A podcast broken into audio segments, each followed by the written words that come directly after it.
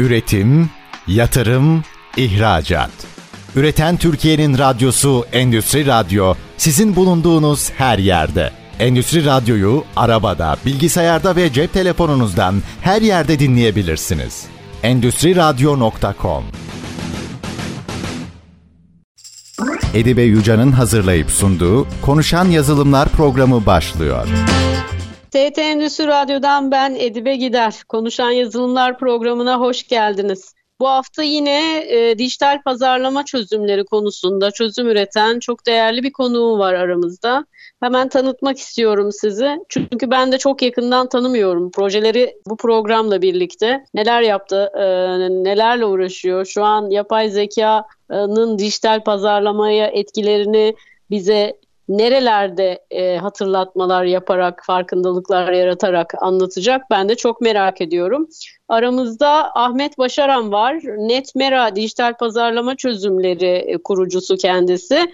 Bu bölümde biraz tanıyalım hep birlikte istiyorum. Ahmet Bey hoş geldiniz. Nasılsınız? Umarım çok iyisinizdir. İyiyim, teşekkür ederim. Sağ olun. Siz nasılsınız Edibe Hanım? Çok teşekkürler. Bizler de çok iyiyiz. Ahmet Hocam bu bölümde sizi biraz tanıyalım istiyorum. Netmera dijital pazarlama çözümleri içerisinde bu çerçevede, bu çatı altında neler yapıyorsunuz? Hangi projelerde ilgilendiniz ve bu aşamaya, e, bu noktaya 2024 hedeflerine de neler planlıyorsunuz? Hangi projelere yoğunlaştınız? Yapay zeka tarafında dijital pazarlamaya çok etkileri olduğunu söylüyorsunuz birçok e, konferansta ve katıldığınız etkinliklerde. Bu bölümde biraz sizi tanıyalım. Akabinde biraz yapay zekayı konuşalım. Buyurun hocam. Ben önce kendimden başlayayım e, isterseniz. Ben 95 yılında İstanbul Teknik Üniversitesi Kontrol ve Bilgisayar Mühendisliği bölümünden mezun olduktan sonra yaklaşık 4 yıl kadar işte Türkiye'nin büyük ölçekli holdinglerinden bir tanesinde sonra da onun teknoloji şirketinde çalıştım. Sonrasında da kendi işimi kurdum ve o gün bugün de kendi işimi yapıyorum. Ben 2000'den beri aşağı yukarı kendi işimi yapıyorum. Özellikle yazılım odaklı e, şirketler kurdum. Bunların bazılarından hisselerimi devrederek çıktım. Yenilerini de kurmak üzereyim. İşte seri girişimci deniliyor sanırım benim modelime. E, yazılım şirketleri, farklı misyonları olan yazılım e, şirketleri ve özellikle de ürün geliştirmeye odaklanmış yazılım şirketleri var. İki adet şu anda şirketim var. E, bunlardan bir tanesi operatörlere özellikle de dijital dönüşüm gerçekleştirmek isteyen daha büyük ölçekli şirketlere hizmet eden bir yazılım evimiz var. Bir de tanıtımda bahsettiğiniz dijital pazarlama çözümleri geliştiren bir yazılım evimiz daha var. Bu benim profilim. Bizim şirketimizde ne yapıyor derseniz yaptığımız iş şu aslında. Mobil uygulama ve web sitesi gibi kurumların dijital kanallarının etkinliğini ve gelirini artırmaya yönelik araçlar sunuyoruz. Bizim hedef kitlemiz şirketlerde dijital pazarlamacılar. Dijital pazarlamacılar bizim ürünlerimizi kullanarak mobil uygulama ve web sitesi gibi dijital kanallarına mümkün olduğunca daha fazla müşteri çekmek ve ziyaret eden ya da uygulamayı açan müşterileri de istenen aksiyonlara yönlendirebilmek üzere bizim ürünlerimizi kullanıyorlar. Değer önerimizde mümkün olduğunca IT ve ajans kaynaklarına ihtiyaç duymadan pazarlamacıların kendi hedefleri doğrultusunda yani gelir artırma hedefleri doğrultusunda onlara yardımcı oluyoruz. Türkiye'de yüzden fazla büyük kurumla çalışıyoruz. Bizim hedefimizdeki kurumlar bahsettiğim gibi mobil uygulamadan ve web sitesinden gelir elde eden, ciddi gelir hedefleri olan kurumlar. Operatörler, bankalar, medya şirketleri, e-ticaret kurumları, enerji şirketleri, internet girişimleri gibi çok sayıda markayla Türkiye'de çalışıyoruz diye özetleyebilirim. Evet hocam gerçekten de seri bir girişimci ve bunu da konuşan yazılımlı programında yapıyor olmanız yani bu programı sizinle yapıyor olmam gerçekten büyük şans. Ne tür problemlere çözüm üreten yazılımlar geliştirdiniz geçmişte? Bu bölümü size ayıralım istiyorum. Çünkü siz birçok girişimi, birçok yazılımı hizmete sunmuş bir e, girişimcisiniz. Hangi problemlerle başladınız? Sorunlar neydi ve siz hangi problemler üzerinden yazılımlar geliştirdiniz hocam? Birazcık bu bölümde ilk girişiminizden son girişiminize kadar bahsedelim istiyorum ayrıntılı. Konuşturalım burada yazılımlar, hangi yazılımları şey yaptınız, geliştirdiniz? Öncelikle şirketimiz için konuşacak olursak bizim buradaki önemli hedefimiz az önce de bahsettiğim gibi e, mümkün olduğunca dijital kanaldan gelir bekleyen şirketlerin kendi ana işlerine odaklanmaları, bu kanalın etkinliği ya da işte mümkün olduğunca da kullanımın artırılması senaryosu tarafında da bizim ürünlerimizle yola devam etmelerini hedefledik. Bunun için bu ürünü geliştirdik. Diğer girişimlerin tarafında da dediğim gibi her bir girişimin farklı bir kapsamı, farklı bir amacı vardı. E, yazılım evi tarafında özellikle şirketlerin yüksek trafikli online sistemlerini hayata geçiriyoruz. E, bunların arasında e-ticaret siteleri ya da telekom operatörlerinin dijital kanal uygulamaları var. Oradaki değer önerimiz aslında markalara ya da büyük ölçekli kurumlar genelde bizim müşterilerimiz orada e, düzgün işleyen, sorunsuz çalışan, gelir kaybına yol açmaksızın kesintisiz iyi bir müşteri deneyimi sunan altyapılar geliştirmekte. Ee, yazılım evi tarafında bunu misyona hizmet eden şekilde ilerliyoruz. Bir de özellikle kurumların agile dönüşüm dediğimiz agile yapıları tercih etmeye başladılar. Bu da biraz büyük kurumsal organizasyonel yapılar yerine daha şirket içerisinde ufak ürüncük ya da işte ufak ürün ya da e, şirketçiklere dönüştükleri yapıları kastediyorum ben agile dönüşüm derken daha böyle şey odaklı belli bir amaca yönelik iş ekipleri, teknik ekipler ve diğer servis ekiplerinin bir araya geldiği küçük grupların halinde işlerini yürüttükleri modeli kastediyorum Agile dönüşüm derken. Biz özellikle büyük kurumların Agile dönüşümünde katkı sağlıyoruz. Onların yazılım altyapıları ya da sistem altyapılarının da bu agile mantıklara uygun hale getirilmesi tarafında hizmetler veriyoruz. Yazılım evi tarafındaki şeyimiz bu. E, misyonumuz biraz bu. Agile dönüşüme katkıda bulunmak ve yazılım ya da teknik çözümleri de bu yapıya uygun hale getirmek.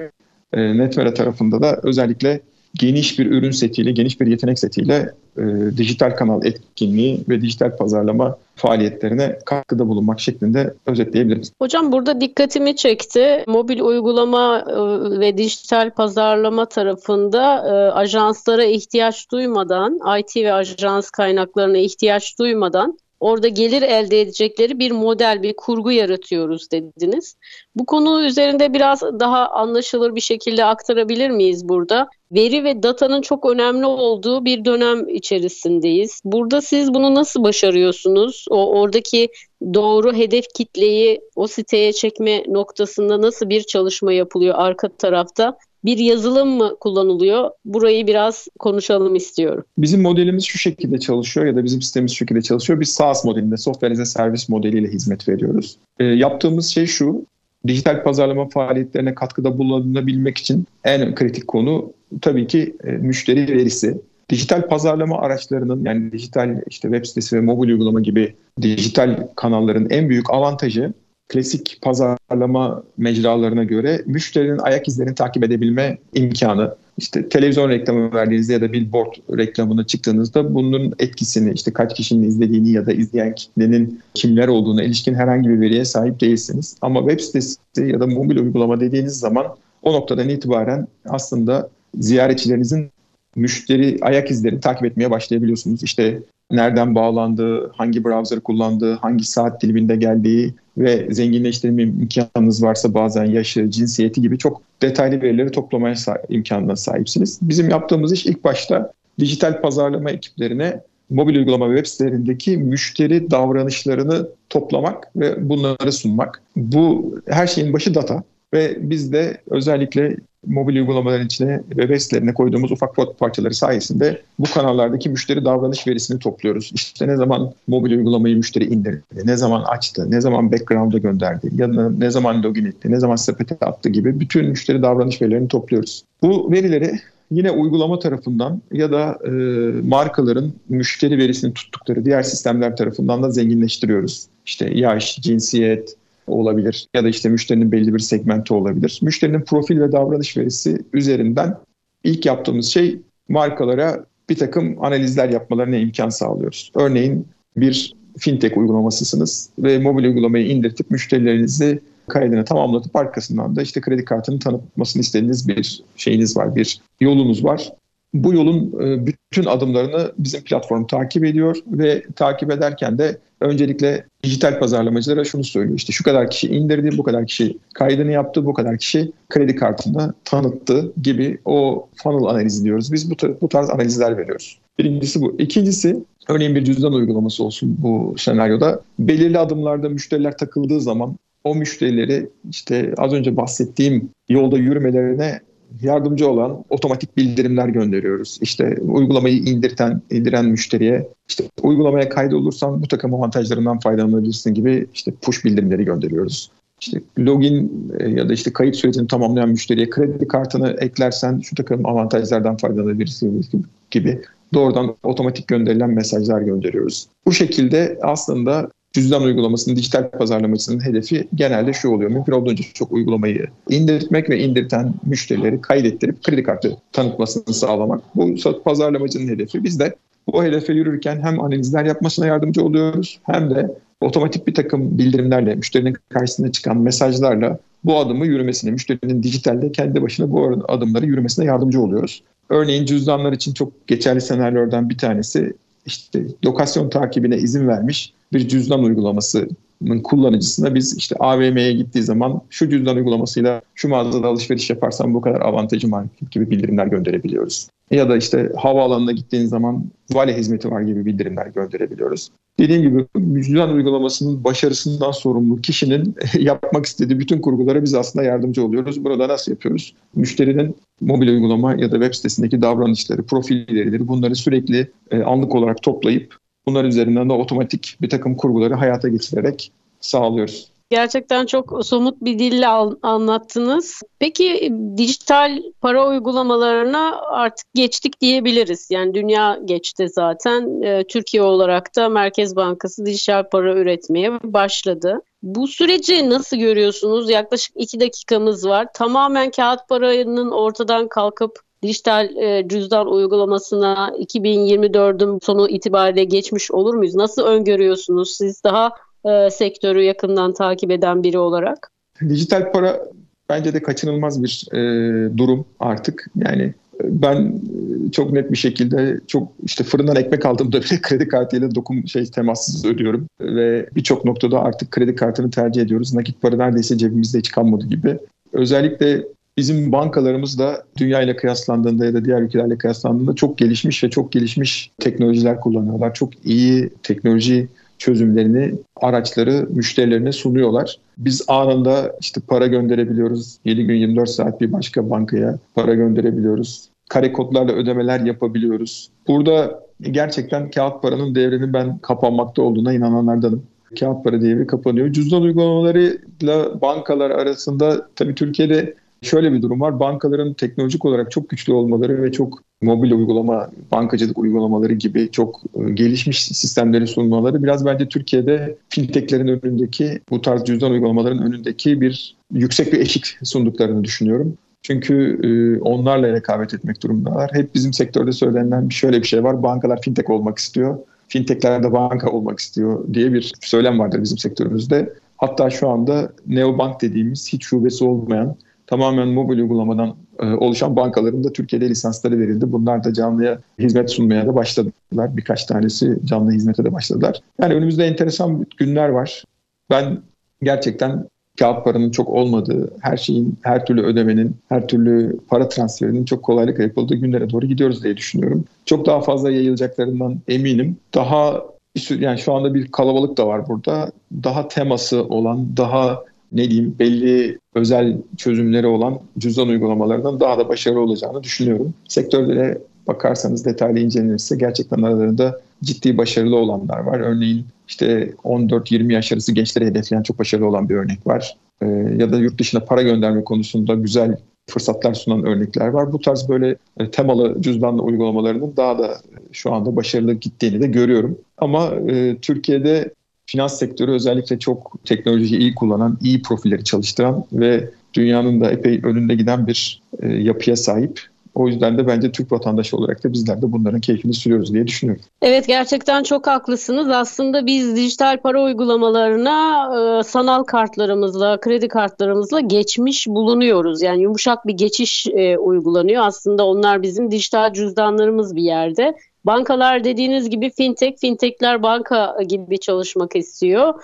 Bu konuda etkinliklerde çok yoğun talep görüyorlar. Bence bankacılık burada çok güçlü bir e, rol oynayacak. Kısa bir ara vereceğim hocam. Aradan sonra tekrar devam edelim.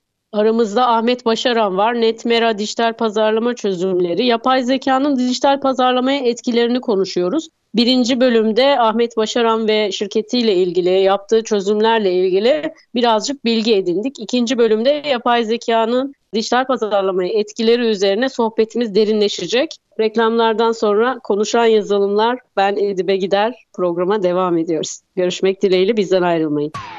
Üretim, yatırım, ihracat.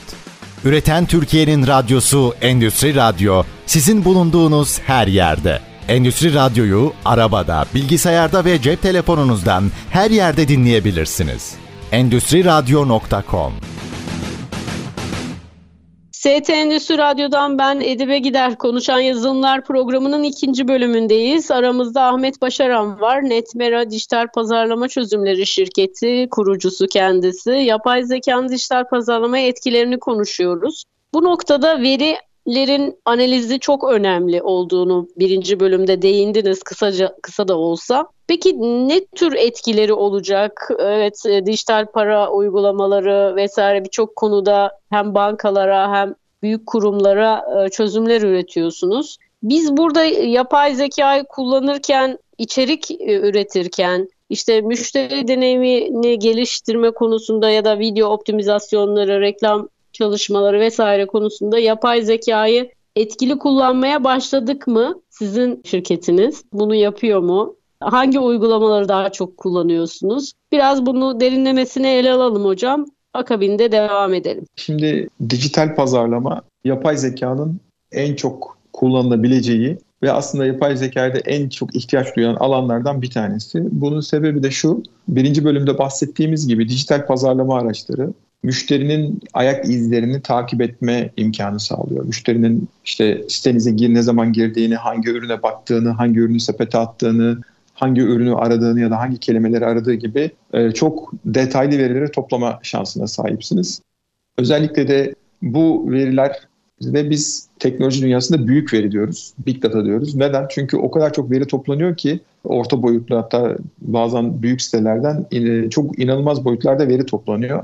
Bu toplanan veriyi insan marifetiyle ya da ne diyeyim bir işte veri tabanı aracı vasıtasıyla değerlendirmek oldukça zor. İşte bu noktadan itibaren yapay zeka giriyor zaten dijital pazarlama dünyasına. Yapay zeka algoritmalarıyla bu veri üzerinden anlamlı sonuçlar çıkartmak konusunda dijital pazarlama aslında en iyi alanlardan bir tanesi. En iyiden kastım hem çok uygun hem de çok da tecrübeli alanlardan bir tanesi. Aslında yıllardır dijital pazarlama dünyasında yapay zeka kullanılıyor. Örneğin ürün önerme tarafında yapay zeka çok yaygın kullanılıyor.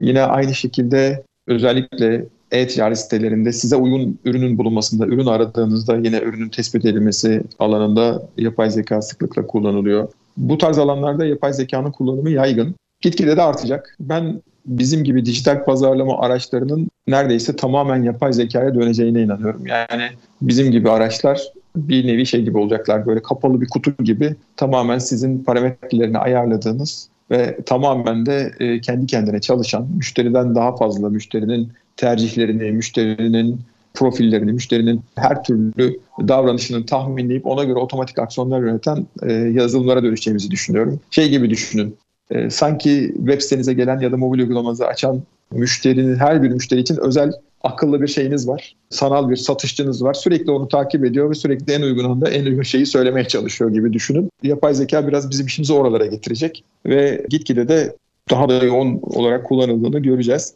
Dijital pazarlama dünyasındaki işte veriye dayalı olması verinin e, iyi kullanılabilmesini getiriyor. Fakat veri deyince işin içine çözülmesi gereken bazı problemler giriyor. Veriyle ilgili en büyük problem privacy yani verinin kişisel veri problemi. Yapay zeka teknolojileri mümkün olduğunca çok veri istiyor. Ne kadar çok veri ve kaliteli veri sağlarsanız o kadar güzel modeller ve o kadar o modellerden de iyi sonuçlar elde ediyorsunuz. Fakat gün geçtikçe artan özellikle bu kişisel veriye ilişkin regülasyonlar sadece bizim ülkemizde değil, dünyada da artan regülasyonlarda hep size şunu söylüyor. Sadece ve sadece kurumlar müşterilerinden gerekli olan, gerekli miktarda ve gerekli olan bilgileri toplayabilir. Bunun ötesini toplayamaz gibi de bir şeyleri var.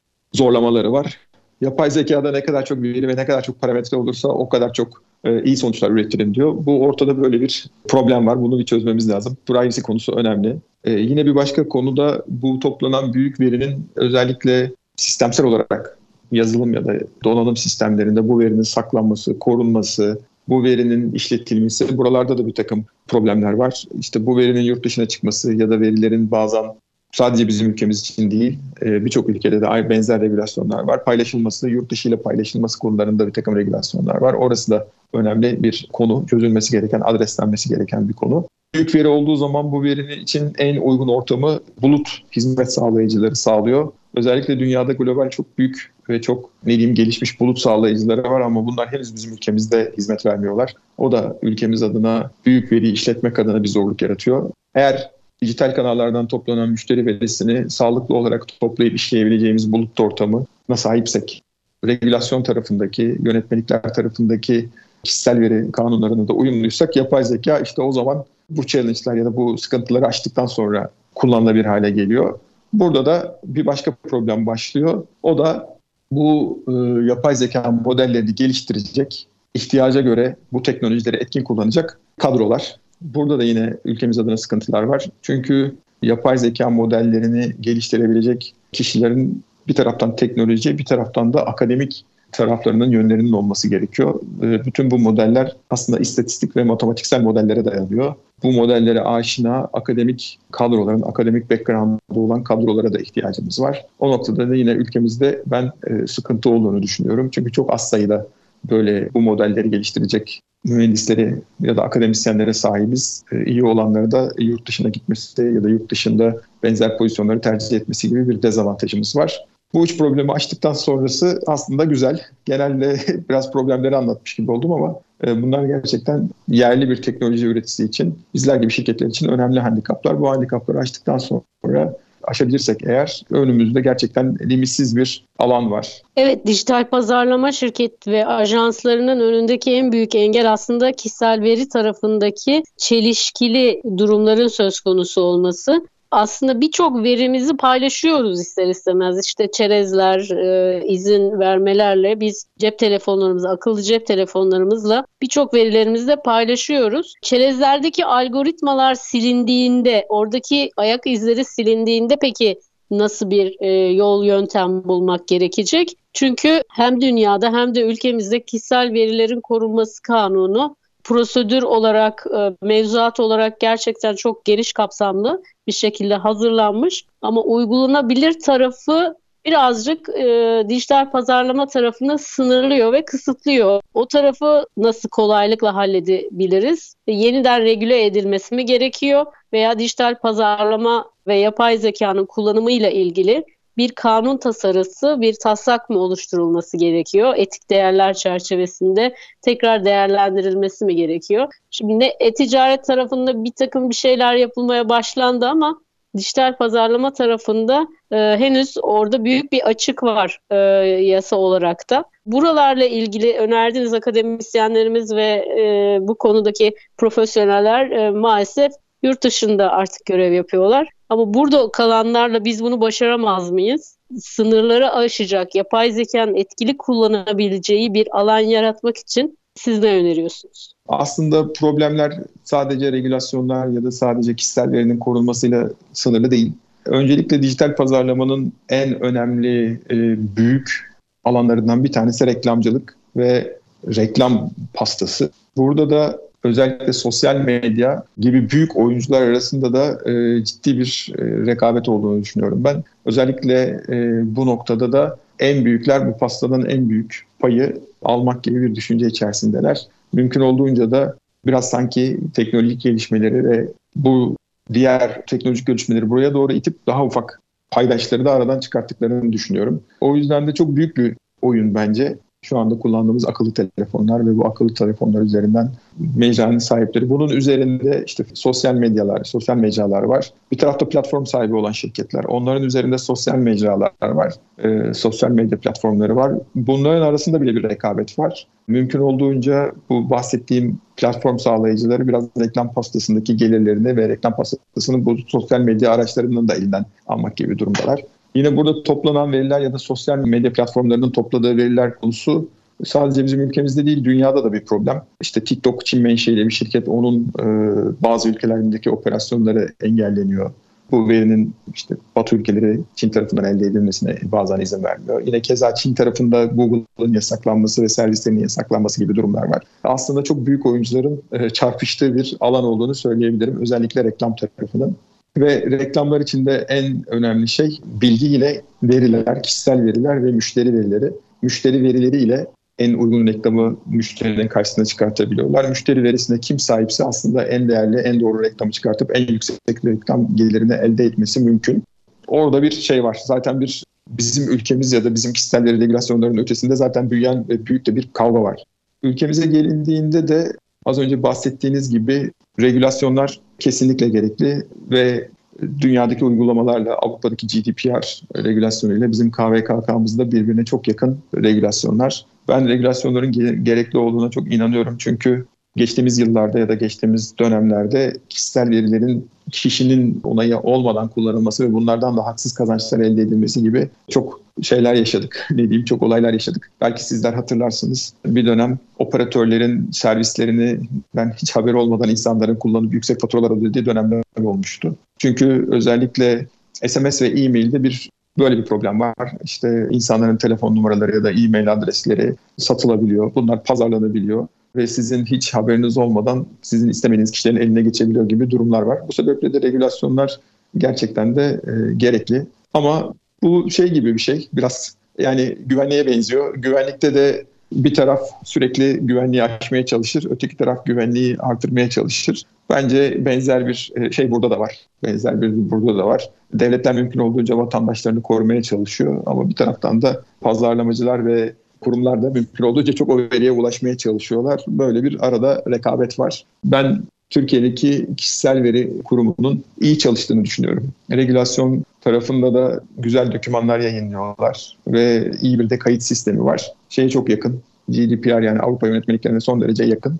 Biraz bu kişisel veri konusunun ileride daha da üst seviyelerde yani ülke stratejisi politikaları seviyesinde konular olacağını düşünüyorum. Çünkü veri gitgide o kadar kıymetleniyor ki bir süre sonra e, vatandaşların verisi ülkenin en önemli aset dediğimiz değerlerinden bir tanesi haline de gelebilir. Gitgide bu sorunun yükseleceğini ve ülke politikalarına doğru diyeyim, politika yapıcıların bile gündemine geleceğini düşünüyorum. Daha da üst seviyelerde gündemine geleceğini düşünüyorum. O yüzden de Türkiye'de de e, buna uygun yapılar var.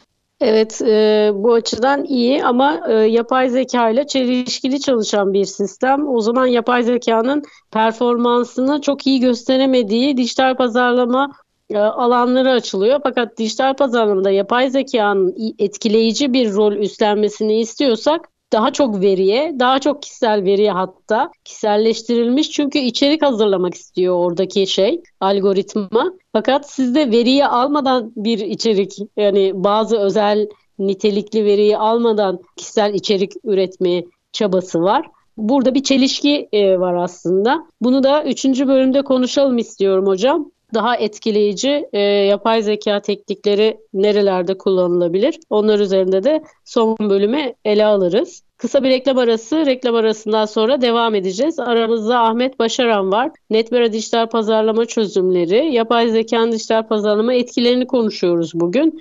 Reklamlardan sonra konuşan yazılımlar devam edecek. Görüşmek dileğiyle ben Edibe Gider. Bizden ayrılmayın. Üretim, yatırım, ihracat.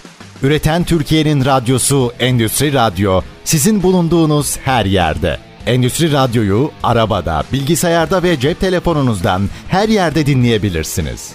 Endüstri Radyo.com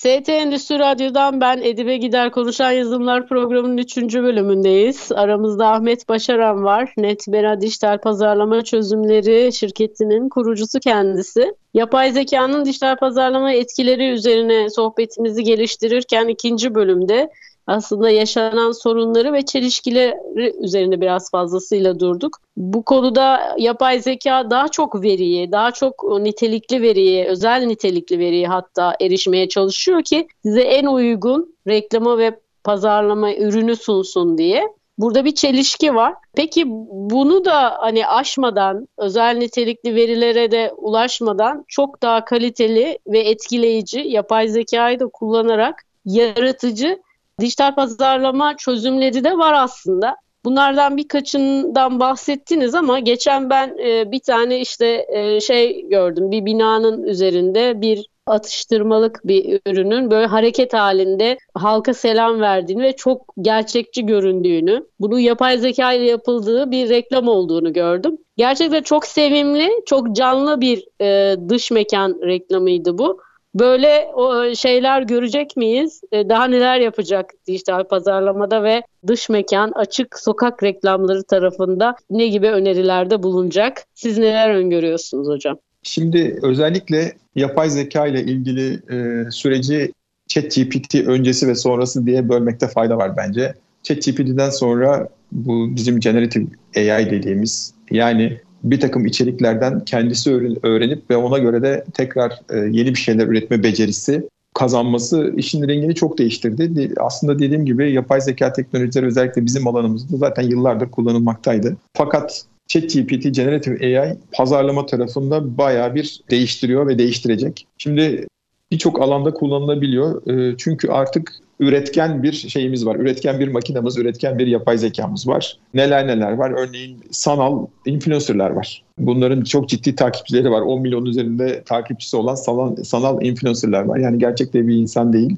ama sanki bir insanmış gibi video içerikleri var. Konuşuyor ve çok ciddi miktarlarda şey toplayabilmiş vaziyette, takipçi toplayabilmiş sanal influencerlar var. Gitgide de bunlar artabilir. Reklamlarda kullanılan ya da billboardlarda kullanılan birçok görsel artık gerçek değil. Yapay zeka tarafından üretilmiş vaziyette. Özellikle bu tarafta görsel içerik tarafında yapay zeka Generative AI son derece değiştirmiş ve geliştirmiş vaziyette. Burada Generative AI'nin pazarlamayla buluştuğu yer ise e, bizim hyper personalization dediğimiz yani artık çok derin kişiselleştirme becerileri olabilir. Yani bir web sitesine girdiğinizde ya da bir mobil uygulamayı açtığınızda tamamen o anda sizin için üretilmiş içerikleri, sizin beğenebileceğiniz, o anda yaratılmış içerikleri göreceğimiz günler uzak değil. Onları da muhtemelen yakın zamanda göreceğiz. Generative AI'ın özellikle content marketing dediğimiz içerik pazarlaması tarafında da yine inanılmaz bir katkısı ve aslında yok edici bir etkisi var. Herhangi bir konuda içerik üretmek istediğiniz zaman ChatGPT, Google Bard gibi ürünlerle son derece kaliteli içerikler üretme imkanına sahibiz artık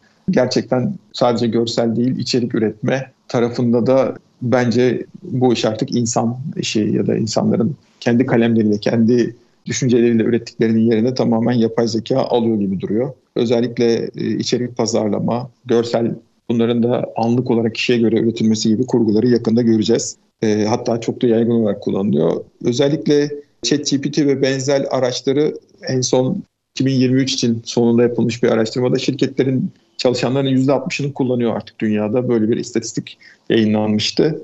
Bazıları izinli, bazıları izinsiz ama bir şekilde artık ChatGPT vazgeçilmez oldu. İçerik pazarlama, görsel oluşturma buralarda da ChatGPT gerçekten işin rengini son derece değiştirmiş vaziyette. Burada yine tabii burada çok büyük altyapı sağlayıcıları onlar sahipler bu teknolojiye. Bunların alternatifleri nasıl olacak? Bu teknolojileri ne kadar kurumların kullanmasına izin verecekler ya da kurumlar ne kadar bu teknolojileri kendi inisiyatifleriyle istedikleri gibi kullanacaklar. Buralar biraz belirsiz. Onların izleyeceği yola göre gidecekmiş gibi gözüküyor. Nasıl bugün Google arama motoru olarak çok büyük bir alanı kaplıyorsa bu teknolojilerin de ne kadar yayılacağı, ne kadar alternatiflerinin üreyeceği, ne kadar alternatiflerinin erişilebilir olacağı konuları şu an için itibariyle belirsiz. Biraz bunlara göre de işin şekli ve rengi değişecek. Ne kadar bu teknolojilerin benzerlerinin üretilebildiği de önemli. Çünkü sizler de biliyorsunuz işte sosyal medya deyince belli birkaç tane ürün var. Alternatifi artık kolay kolay çıkmıyor. Çünkü bu pazarda önde olan, ilk olan pazarın büyük bir bölümünü elde ediyor ve bir alternatifin daha üremesine imkan kalmıyor. İşte yine arama motoru tarafı da öyle ya da işte platform tarafları da öyle.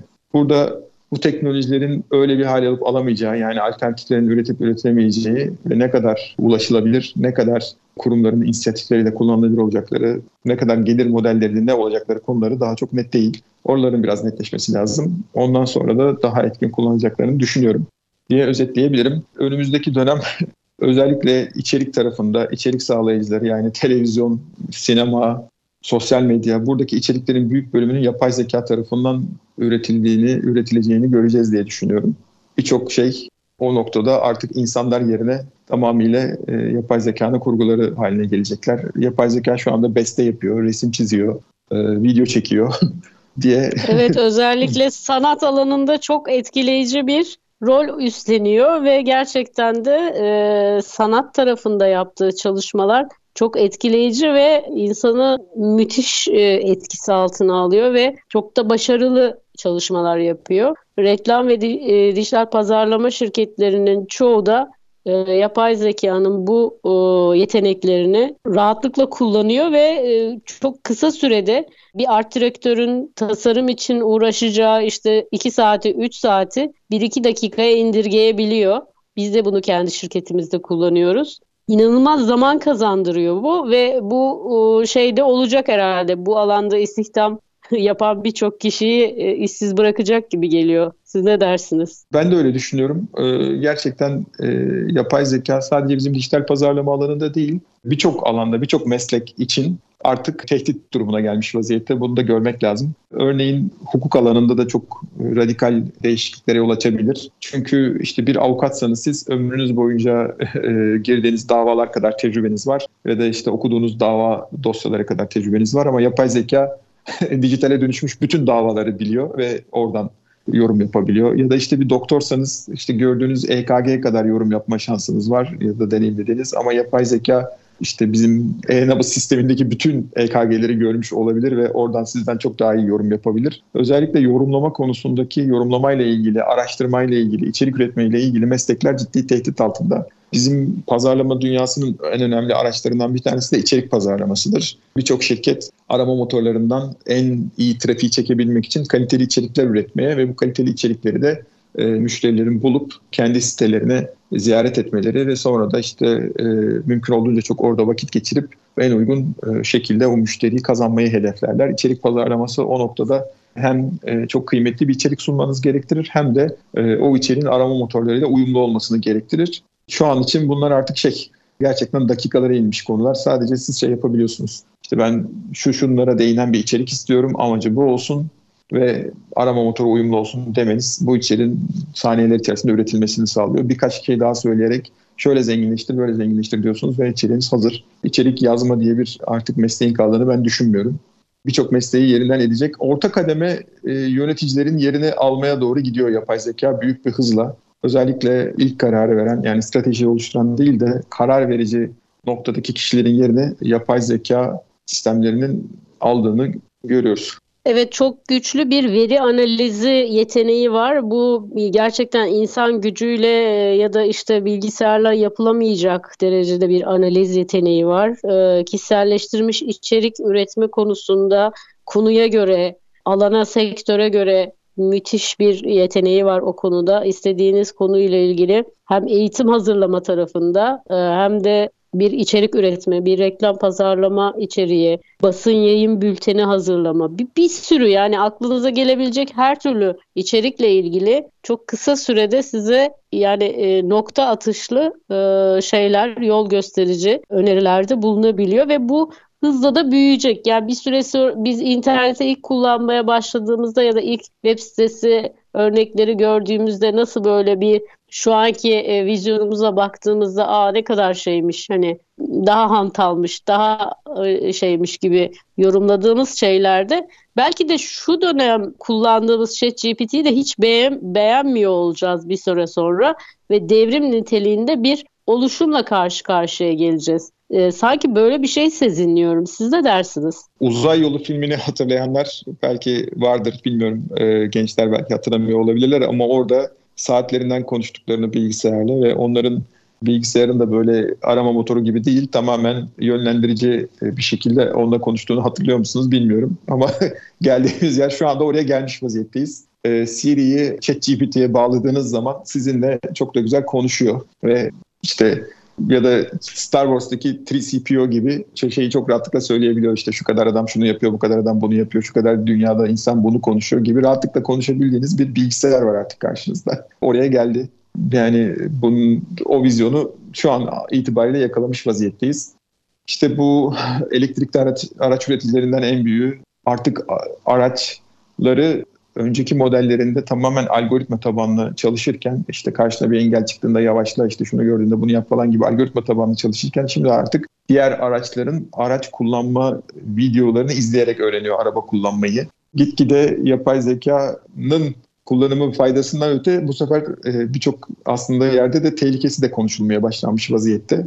Geçtiğimiz yılın son günlerinde Avrupa Birliği'nde yapay zekanın kullanımına ilişkin regülasyonlar yayınlandı ve bu regülasyonlar yasalaştı mı emin değilim ama aynı kişisel veri gibi yapay zekanın da sınırlandırılması ve bunların da belli kurallara yine vatandaşlarını korumak üzere belli kurallara dayandırılması e, gündemleri de geliyor. Bazı ülkelerde yapay zekanın kullanımına ilişkin bir takım uluslararası birlikler oluşturulmaya gayret ediliyor. Bunlarla ilgili olarak da inisiyatifler alınıyor ama öyle de bir şeye dönüşmüş vaziyette ki şu anda yapay zeka hiçbir devletin de bu teknolojileri göz ardı etmesi ya da sınırlamaya niyeti de yok gibi duruyor. Biliyorsunuz işte Çin ve Amerika arasında şu anda büyük bir rekabet var. Ee, bu rekabet tarafında en son birkaç gün önce e, Çinli şirketlerin Amerikan bulut ortamlarını kullanıp bu teknolojilere erişmemesine ilişkin bir takım yönetmelikler gündeme geldi. Burada yapay zeka çok güçlü bir şey. O kesin. Hayatımıza da dokunacak. Ama bu kimin elinde daha etkin olacak konusu da bütün dünyada büyük bir şey, büyük bir gündem maddesi aslında ve uluslararası bir rekabet maddesi. Veri, işte çip teknolojileri, bu yapay zeka algoritmalarını, bu yapay zeka modellerini çalıştıracak çip teknolojileri e, bunlara kim sahip olursa aslında büyük güce o sahip olacakmış gibi duruyor. Bu noktada da çok büyük bir rekabet de var aslında. Özellikle Çin ve Amerika başta olmak üzere uluslararası da çok büyük bir rekabetin yaşandığını da görüyoruz. Gönül ister ki biz de teknoloji üreterek e, bu rekabette yerimizi alalım. Sadece bizim çalıştığımız dijital pazarlama değil, e, hayatın her alanında bu tarz teknolojileri ilk kullanan, öncü kullanan ülkelerden olalım istiyoruz. Gönlümüzden geçen de bu. Aslında biz 7'den 70'e çok hızlı bir şekilde adapte oluyoruz. Hem teknolojiye hem de bu tür dijital platform ve sosyal medya hesaplarının kullanılması konusunda bazen çok bilinçli bazen çok bilinçsizce kullanıyoruz. Fakat bizim de insanlar olarak bu diş, e, yapay zekayı yönlendirebileceğimiz kadarını yani biz kullanırsak onlar varlıklarını sürdürüyor olacaklar veya geliştirecekler bu şeyi. Biz ne kadar veri sağlıyor olursak onlar da o kadar çok bu noktada geliştiriyor oluyorlar kendilerini. Hiç kimsenin kullanmadığı bir yapay zekanın geliş, gelişmesinden söz edemeyiz kesinlikle. İnsanlar buraya çok şey e, bir çekim yasası gelişiyor orada e, bir şekilde kullanmak zorunda bırakılıyor. Sistem o, o şekilde kurgulanmış. Programımızın da sonuna geldik hocam. Son bölümde e, gerçekten de yapan zekanın aslında bu programın büyük bir çerçevesinde tekinsiz limanlarından bahsettik biraz. Fakat dijital pazarlamaya da olumlu etkileri de mutlaka var. Onun için de bir e, ekstra bir belki bir program yaparız ilerleyen takvimler içerisinde. Çok yaratıcı içerikler ve yaratıcı görseller çözümler e, üretme konusunda, video üretimi konusunda, gerekse görsel üretim konusunda inanılmaz fikirler veriyor ve hayatımızı kolaylaştırıyor orada. Verilerin analizi e, özetliyorum ben. Verinin analizi konusunda büyük katkı sağladığı noktasına değindiniz birkaç e, bölü, e, bölümümüzde. Bunun dışında bizleri neler bekliyor? Son bir veda cümlesiyle kapanış konuşmanızla bitirelim istiyorum. Ben özellikle üniversitelerde matematik okuyan, istatistik okuyan, bilgisayar mühendisliği okuyan gençlerin bu alana yönelmesini şiddetle tavsiye ederim. Bu çok büyük bir alan ve çok büyük fırsatlar sunan bir alan. Onlara bunu yapay zeka ve yapay zekanın kullanım alanları konusunda kendilerini geliştirmelerini tavsiye ediyorum her şeyin ötesinde. Bizim burada yetişmiş insan gücüne çok ihtiyacımız var. Bunun dışında da özellikle gençleri ve insanları bilinçlendirmek çok önemli bu veri paylaşımı konusunda. O noktada da e, gençlerin eğitimi, üniversitelerde ya da liselerde eğitimi olabilir, kamu spotları olabilir. Bu noktada da bilinçlendirme ihtiyacımız olduğunu düşünüyorum. Son söz olarak bunları söyleyebilirim. Evet çok haklısınız gerçekten de bir süre sonra artık e, sadece bir mesleğin bize yetmeyeceğini farklı meslek dallarıyla kariyer yaşamımıza devam etmemiz gerektiği sinyallerini alıyoruz. Birçok kişi belki mesleğini bırakacak e, dijital pazarlama yapay zeka alanında neler yapabileceği konusunda çalışmalar başlatacak. Çocuklarımıza kodlamayı öğretelim diye uğraşıyorduk e, bir iki yıl öncesinde. Artık buna da gerek kalmayacak değil mi hocam? Şu, onu da çok merak ettim. Sormak istiyorum bu son bölümde. Şimdi kodlamanın yeni dilinin e, İngilizce olacağı söyleniyor ya da Türkçe olacağı söyleniyor. Yani konuşma dili kodlama dili olacak diye bir söylem başladı son dönemde. Gerçekten de söylediğinizi anlayan bir makinayla karşı karşıyayız artık. Ben özellikle gençlerle sohbet ederken de şunu söylüyorum. Bu tarz teknolojileri lütfen bilgisayar mühendislerine, yazılımcılara bırakmasınlar. Aslında bu teknolojiler bütün e, hayatın her alanına dokunuyor. Yani siz bir kimya mühendisi olabilirsiniz, kimya ile ilgili olabilirsiniz. Ne olur e, hem yapay zekayla hem de yazılım geliştirme ya da algoritmalarla, yazılım geliştirmeyle ilgilensinler. Asıl fantastik ürünler ve çözümler onlardan çıkıyor. Biyoloji, kimya, fizik ya da herhangi bir alan olabilir kendilerini bu teknolojilerin sadece kullanıcısı olarak değil de kendi işlerinde hem kullanmak hem de üretmek, teknolojiyle üretme tarafına da odaklansınlar isterim. Çünkü bu teknolojiler hayatın her alana dokundukça her alana insanın katkısı olacağını düşünüyorum. Mümkün olduğunca bu teknolojileri öğrenmeye gayret etsinler. Çok yeni zaten. O yüzden de geniş de bir şey var. imkan var. Daha da gelişiyor. Geliştikçe de gelişme imkanı var. Ben her branştan üniversite öğrencisi gençleri bu teknolojilere ilgilenmeye, bu teknolojileri anlamaya ve bu teknolojilerle kendi branşlarını nasıl birleştirilebilir onları düşünmeye e, çağırıyorum açıkçası. Çok teşekkürler hocam. E, veda ediyoruz. Aramızda Ahmet Başaran vardı. E, değerli vaktinizi ayırdınız. Bizimle beraber olduğunuz için tekrar teşekkür ederim. Nentrema Dijital Pazarlama Çözümleri kurucusu kendisi. Yapay zekanın dijital pazarlama etkileri üzerine konuştuk. Biraz sorunlardan bahsettik. Biraz da bu konuda neler yapmamız gerektiğini, nelere dikkat etmemiz gerektiğiyle ilgili bilgiler edindik. Bir sonraki hafta görüşmek dileğiyle. Kendinize çok iyi bakın. Hoşçakalın.